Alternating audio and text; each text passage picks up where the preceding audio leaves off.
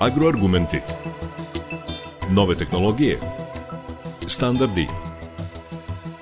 Agroekonomija. Ruralni razvoj.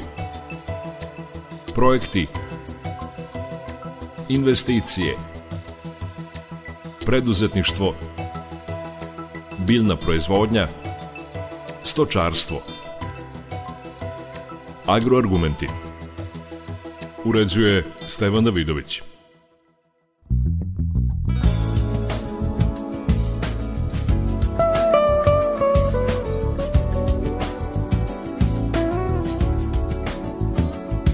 Dobar dan. Hrana sve više postaje strateški proizvod. Naime, nakon pandemije virusa korona, svetsko tržište hrane suočava se i sa krizom u Ukrajini. O tome govorimo u agroargumentima. U fokusu emisije su cijene na berzama primarnih poljoprivrednih proizvoda, promene na domaćem tržištu, izvoz i investicije. Moj sagovornik je agroekonomski analitičar Žarko Galetin. Nedavno smo pričali o pandemiji koronavirusa i uticaju na svetsko tržište, pre svega hrane naravno. Međutim, očigledno, ova kriza u Ukrajini u drugi plan stavlja koronu. Dakle, ta kriza u Ukrajini koliko sada utiče na tržište hrane? Tržište hrane, to smo, kao što ste vi rekli, konstatovali prošli put, je veoma uzrvamno i veoma ranjivo i uzroke smo našli pre svega u toj već dugo trajućoj e, korona krizi koja je poremetila apsolutno e, sve neke e, faktore koji utiču na, na, na kretanje cena, da sad ne ulazimo u, u tu priču koju smo absolvirali prošli put i na tako jedno, da kažem, poremećeno i, i ranjivo tržište, evo nadovezala se ova rusko-ukrajinska kriza, zbog čega je ona toliko važna za tržište hrane, pa iz prostog razloga što su u sukob, praktično u rat ušle dve zemlje, dve velike agrarne sile, dve zemlje koje su, čije potencijal, izvozni potencijal praktično predstavlja bezmalo 30% ukupnog svetskog izvoza se dakle nalazi u Rusiji i Ukrajini, i kada, kada se jedna takva kriza kao što je ova kriza pojavi, tada je jasno da se posledice moraju ogledati i na tržištu hrane, utoliko pre što imamo jednu najavu globalnih sankcija celog zapadnog sveta prema Rusiji, što će dodatno uzrmati tržište i to ne samo tržište hrane, pre svega tržište energenata, a koje se direktno reflektuju na tržište hrane, tako da u narednom periodu očekujemo jedan, jednu vrlo neizvesnu situaciju i u pogledu opšteg snabdevanja tih lanaca snabdevanja s jedne strane, a s druge strane i cena koje će po svim pretpostavkama ići gore dokle god ova kriza traje, a nekako nema nekih najava da bi ta kriza mogla relativno brzo da se završi.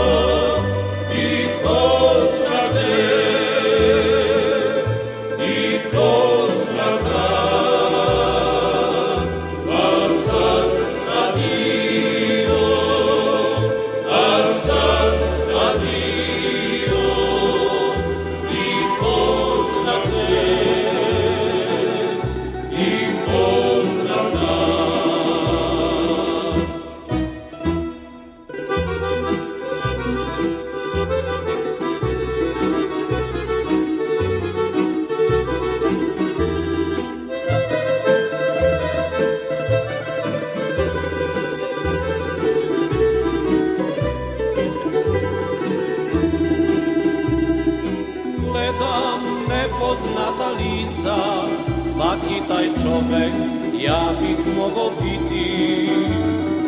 Gledam, ljube se i plaču Putuju negde, ja ostajem sam. Gledam oči dečaku Vraća se detinstvo Ugašena svetla na peronu. Takva si mladosti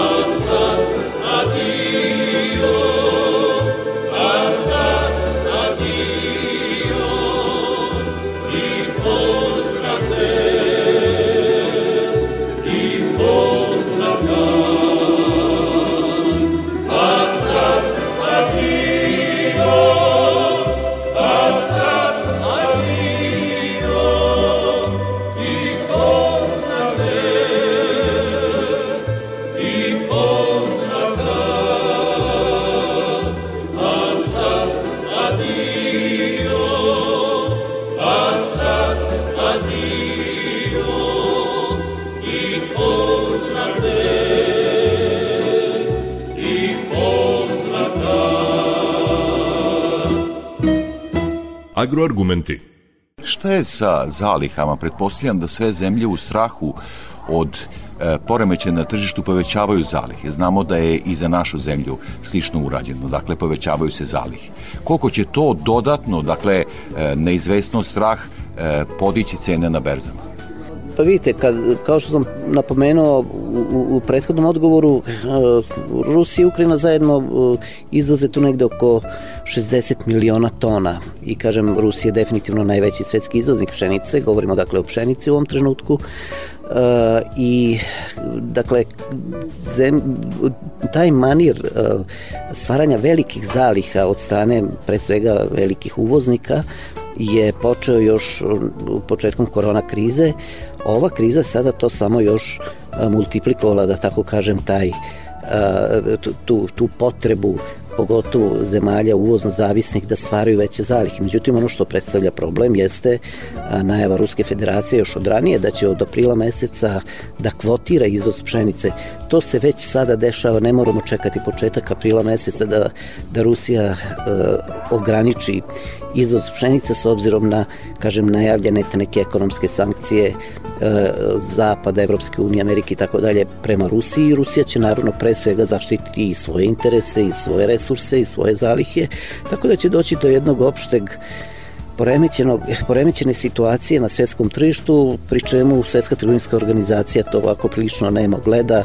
Jedan nezavisni evropski institut Brugel je dao vrlo ovako jednu opisnu ocenu za Svetsku trgovinsku organizaciju koja je rekla za, za sebe da se praktično nalazi u stanju mirovanja, što znači da svi ti, da kažem, instrumenti i alati takvih moćnih i, i institucija kao što je Svetska trgovinska organizacija u ovom trenutku su potpuno neprimeljivi, potpuno van uticaja, tako da ceo svet praktično zavisi od pojedinačnih unilateralnih mera upravo tih velikih e, zemalja, svetskih proizvođača e, poljoprivrednih proizvoda, što će definitivno samo još posložiti tu čitavu situaciju, povećati tu e, psihozu straha i neizvesnosti što konsekventno neminovno dolazi i do rasta cena. Naša zemlja je veliki izvoznik poljoprivrednih proizvoda, pre svega pšenice, kukuruza i tako dalje, ali nismo i veliki uvoznici energenata, đubriva, mašina. Šta će se tu dogoditi? Pa pre svega osetit ćemo, mislim već osjećamo posledice e, te krize, e, kao što vidite dizel gorivo je izuzetno poskupelo, cena gasa je veoma poskupela, gas koji uzgled budi rečeno e, najznačajniji taj, da kažemo, participijent u strukturi cene koštanja recimo mineralnih đubriva. S druge strane, Rusija je stopirala izvoz mineralnih đubriva, Uh, i kažem u kontekstu ovih najavljenih ekonomskih sankcija, ja ne verujem da ćemo još skoro videti, da tako kažem, pogotovo ta azotna đubriva gde smo mi veoma uvozno zavisni, a iza svega što je ta cena upravo recimo u RE skoro dva, dva i po puta skuplja u odnosu na isti period prošle godine. Dakle, sve se to odražava i na našu poljoprivredu. Imaćemo setvu koja će najmanje 50% skuplje biti nego što je prošle godine. Sa druge strane, u, veliko, pitanje je došla i puna primjena agrotehnike što se tiče pšenice. Mi imamo, sada je upravo period prihrane ozimih useva, pre svega pšenice i pitanje veliko u kojoj meri će se agrotehnika primeniti u uslovima tako visokih cena kao što je, e, kažem, na tržištu ureje koja je za dva, dva i po puta skuplje nego što je to bilo prošle godine, e, a sve je to, dakle, posledica upravo takvih dešavanja na toj svetskoj geopolitičkoj sceni koja je za posledicu imala i tako ponašanje Rusije koja ima, da kažem, vrlo u, u, u vrlo veliki, uslovno rečeno, taj ucenjivački kapacitet ili te neke alate da upravlja tržištima energenata i tržištima hrane, ona je u ovoj situaciji prinuđena da to radi, a sa druge strane te sankcije koje se upravo najavljuju i koje praktično već sada stupaju na snagu, onemogućuju bezbedan i slobodan protok roba i kapitala prema Rusiji, što sve zajedno je to dakle čini jednu vrlo mračnu sliku na našem tržištu hrane i tržištu energenata, sve je to povezano jedno sa drugim, tako da nas očekuje jedan prilično težak period u, u narednom nastupujućem periodu.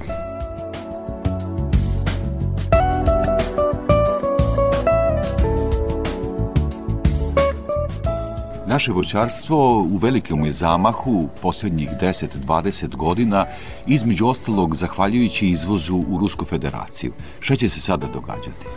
Jeste, ako se sećate, pre nekoliko godina, upravo kada je Evropska unija, kada su bile sankcije te ekonomske prema Rusiji, pravo da vam kažem, ne znam sad ni zbog kojih razloga, eto vidite koliko je to ta dinamika svetskih dešavanja brza i frekventna, da ne možemo ni da se setimo uh, koji je neposledni razlog bio da se uh, oko, da se uvedu sankcije prema Rusiji uh, i tada smo videli, videli svoju šansu u, recimo u sektoru jabuka i tako smo i strukturirali, da ne kažem, svoju poljoprivrednu proizvodnju i gde je došlo do pravog buma i pra, da kažem u, u proizvodnji jabuka podizanje novih zasada i tako dalje. Umeđu vremenu Rusija je podigla svoje kapacitete u proizvodnji jabuka, ali i dalje Rusija je relativno koliko je izvoznik kod jednih u, jednom delu što se tiče poljoprivrednih kultura, toliko onaj veliki uvoznik u, u drugom sektoru, kao što je sektor voćarstva.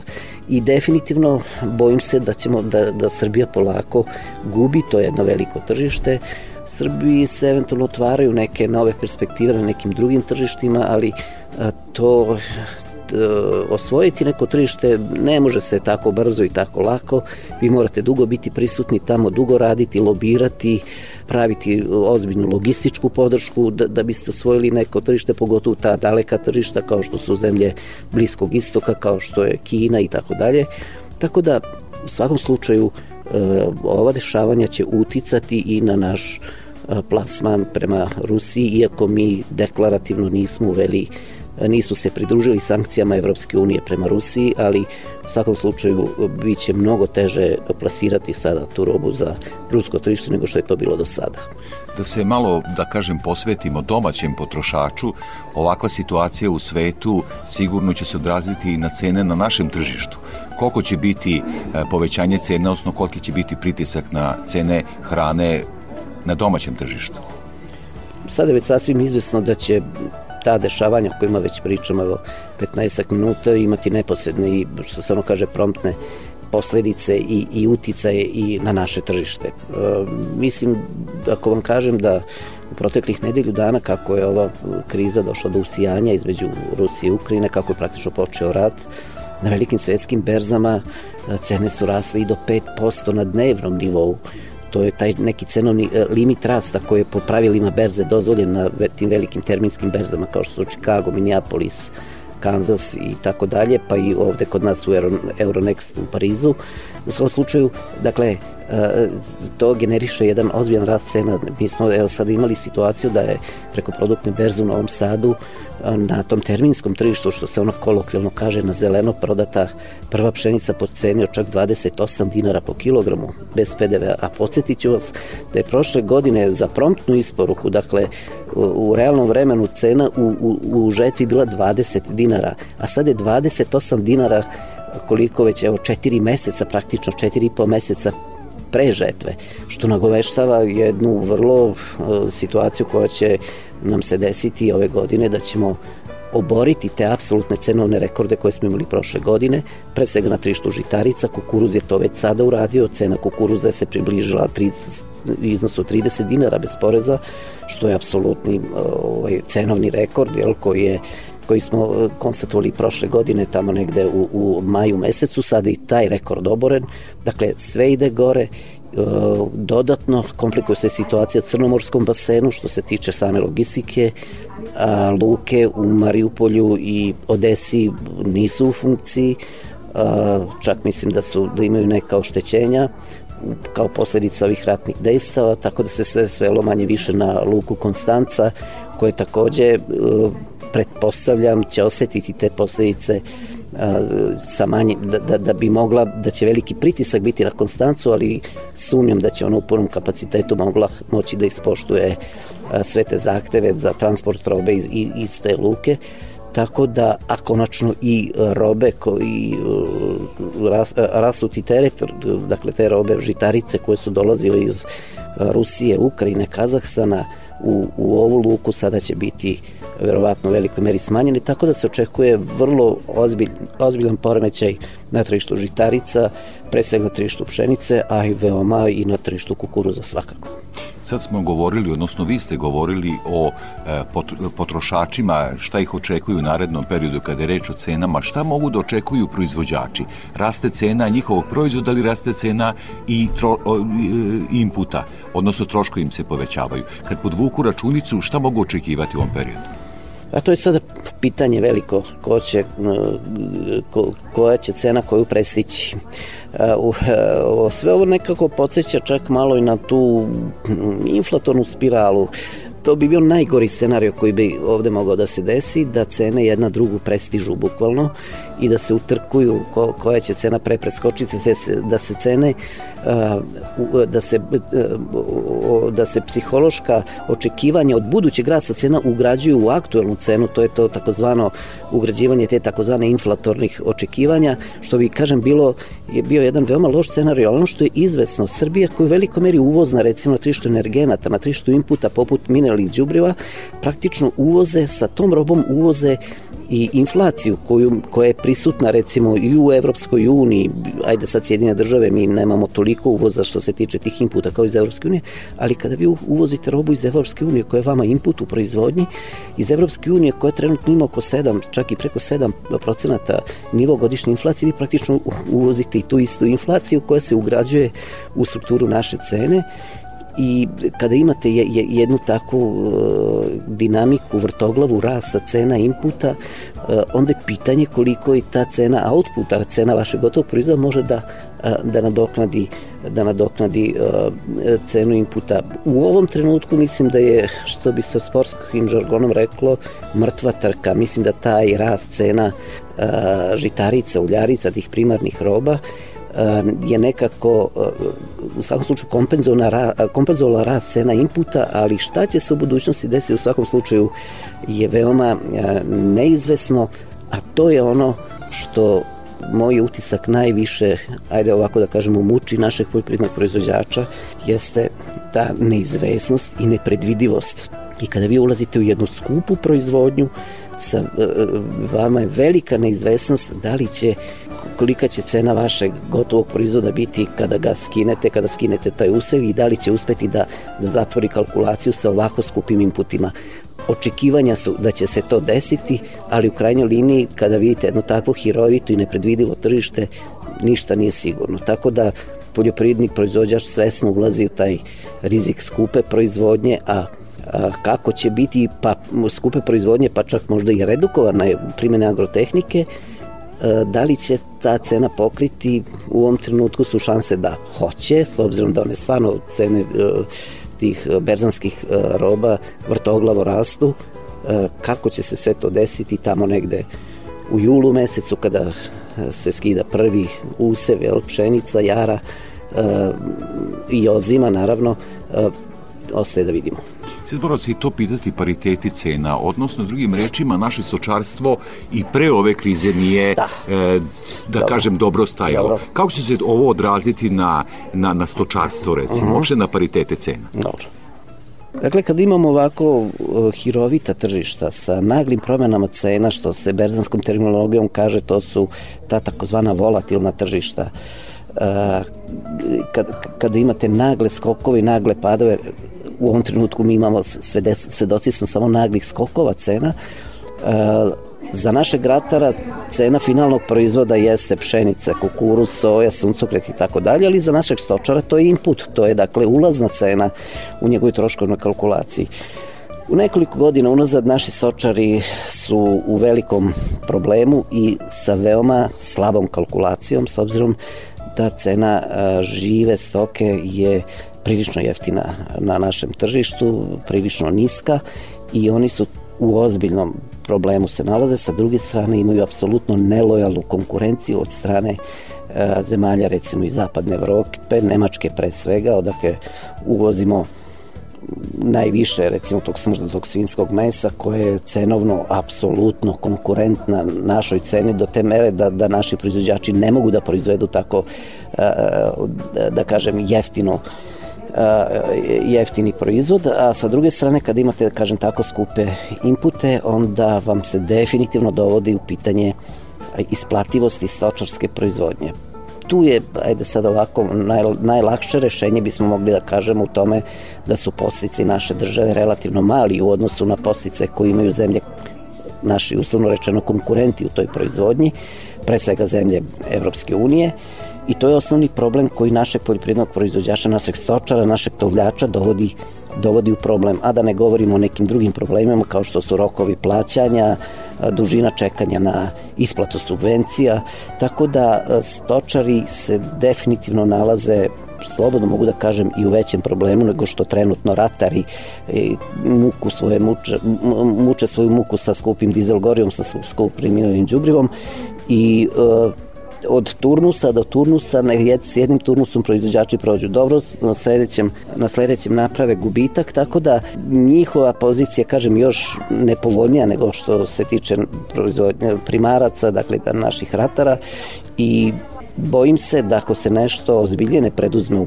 u, u pogledu očuvanja našeg stočarstva, da ćemo imati, kao što se već sada dešava iz godine u godinu, sve manji i manji stočni fond.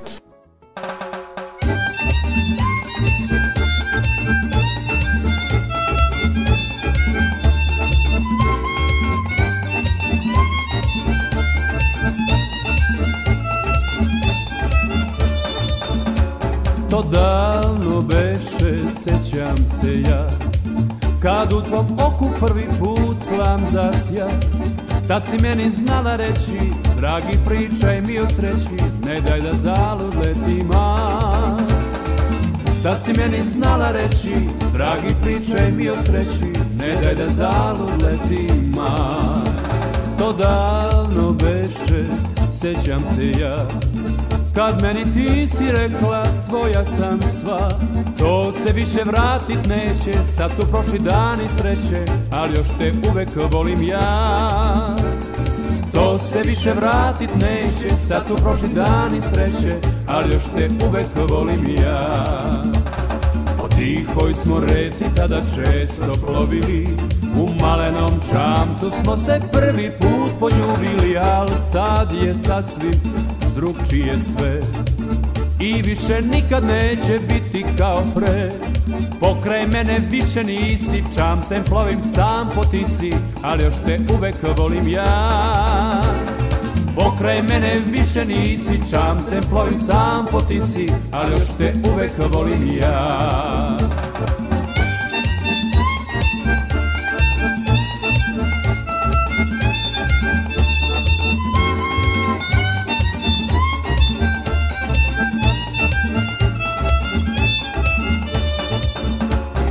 davno beše, sećam se ja. Kad u tom oku prvi put plam zasja Tad si meni znala reći Dragi pričaj mi o sreći Ne daj da zaludeti maj. Tad si meni znala reći Dragi pričaj mi o sreći Ne daj da zaludeti maj Po tihoj smo reci tada često plovili U malenom čamcu smo se prvi put poljubili Al sad je sasvim drugčije sve.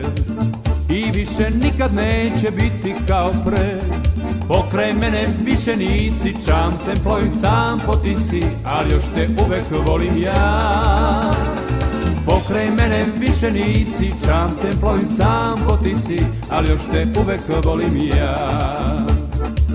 Ali još te uvek volim ja. Ali još te uvek volim ja. Agroargumenti. I evo, gospodine Galetin, za kraj ovog razgovora investicije vrlo su bitne u agraru. Dakle, pričali smo o voćarstvu, o problemima na tržištu koji će sigurno usporiti plasman na, na određena tržišta. Šta sa investicijama? Kako sad planirati investicije? Koliko su one rizične i, i, i, uopšte kako se postaviti prema tome?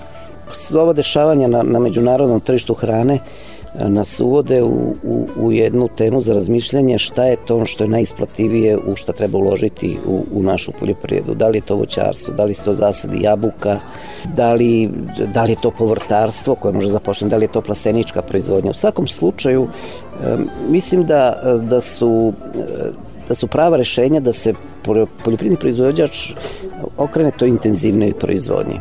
Intenzivnija proizvodnja u, u delu primarne poljoprivrede u svakom slučaju ne podrazumeva proizvodnju pšenice i kukuruza. One jesu, da kažemo, i najomiljenija berzanska kultura i najraši, naj, naj, zauzimaju najviše uh, hektara u, u toj našoj setvenoj strukturi generalno. Um, međutim, ako vi hoćete nešto da zaradite ozbiljnije, morate se posvetiti intenzivnoj, intenzivnim uh, sektorima kao što je pre svega povrtarstvo, kao što je ta plastenička pomenuta proizvodnja. Šta radi se sa višegodišnjim zasadima? Kao što ste videli, višegodišnji zasad uh, nije kao što je slučaj u, u primarnom ratarstvu, da, jedne, da menjate vaš setveni portfolio od godine do godine. Dakle, vi kada krenete u voćarstvo morate da istrpite prve tri godine da nemate roda, pa tek četvrtu, petu, šestu godinu da vam odvaci pun rod, recimo kod nekih zasada kao što su recimo jabuke. Dakle, to je jedno dugoročno razmišljanje i u ovakvim uslovima nesigurnog tržišta videli ste kako se tržište jabuka recimo u jednom trenutku ukazalo kao jedno dobro rešenje za naše poljoprivredne proizvođače, da bi se sad ispostavilo da to baš i nije tako dobro rešenje. Ali u svakom slučaju i dalje mislim da je recimo ulaganje u, u proizvodnju jabuka ipak, is, ipak isplativ posao. Sa druge strane, ja lično mislim da bi naši poljoprivredni proizvođači mogli više da se okrenu povrtarstvu.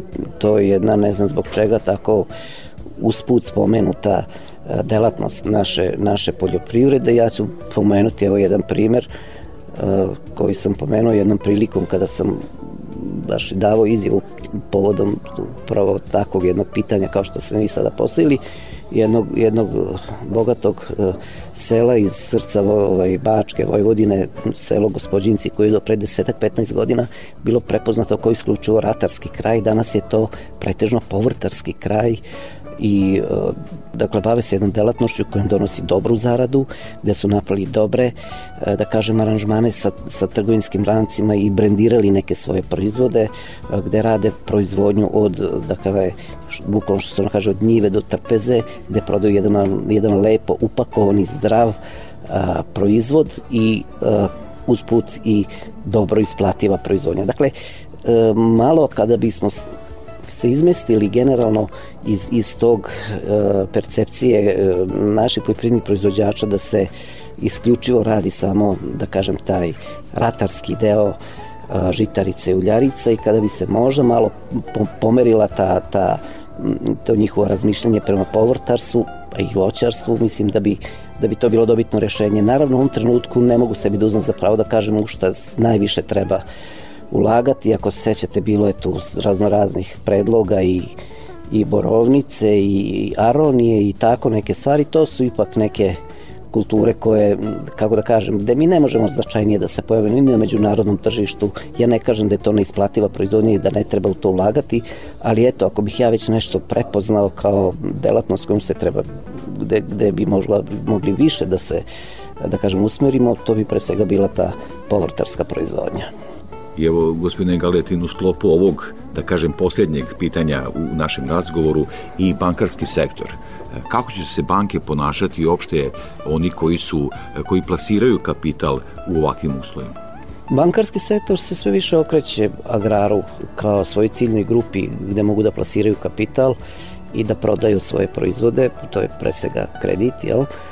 i manje više sve banke kada pogledate imaju svoje te neke departmane za poljoprivredu e, s obzirom da je poljoprivreda jedna vrlo specifična grana sa relativno malim obrtom kapitala, koeficijentom obrta i tako dalje, tako da u, svoju kreditnu politiku podobljavaju tim specifičnostima koje ima naša poljoprivreda i svakako naši poljoprivredni proizvođači ne treba da beže od, od kredita. Kredit, što se ono kaže, dug je zao drug, to jeste činjenica i da kredit ume da bude on čokovrat, ali ako vi a, imate svoj dugoročni plan, ako imate, ako imate jednu vašu dugoročnu strategiju, svoj neki biznis plan i ako ga prepoznate da možete da ga realizujete, nemate dovoljno sredstava, pa svakako da je to jedino rešenje, mislim najkvalitetnije rešenje da se obratite bankama, pre svega dakle da pratite te neke konkurse koji javne pozive. Imamo taj predpristupni evropski fond IPARD pa mnoge konkurse iz tih takozvanih nacionalnih mera koje vam nude čak i taj bespovratni jedan deo, dakle grantove gde će vas država ili ti neki drugi fondovi poput IPARDA finansirati bespovratnim sredstvima, delom, delom kreditnim sredstvima, dakle jednostavno treba pratiti tu situaciju, a banke u svakom slučaju uz pomoć države koje gde se sad već redovno kao redovna stavka u agrarnom budžetu pojavljuje pojavljuje jedna stavka koja se zove za subvencioniranje kamata. Država tu eto pomaže koliko može i mislim da poljoprivredni proizvođači, kažem, koji se ozbiljno bave svojim poslom, koji dugoročno razmišljaju, ne treba da prezaju i od uzimanja kredita, kažem, samo pod uslovom da imaju jedan svoj dugoročni, precizan i tačan plan koga će se pridržavati i da mogu da imaju veće benefite od svoje proizvodnje od onoga koliko će ih taj kredit koštati ako ga uzmu agroekonomski analitičar gospodin Žarko Galetin. Veliko vam hvala za ovaj razgovor i učešću u programu Radio Novog Sada u emisiji Agroargumenti. Hvala i vama i zadovoljstvo mi je bilo kao i uvek.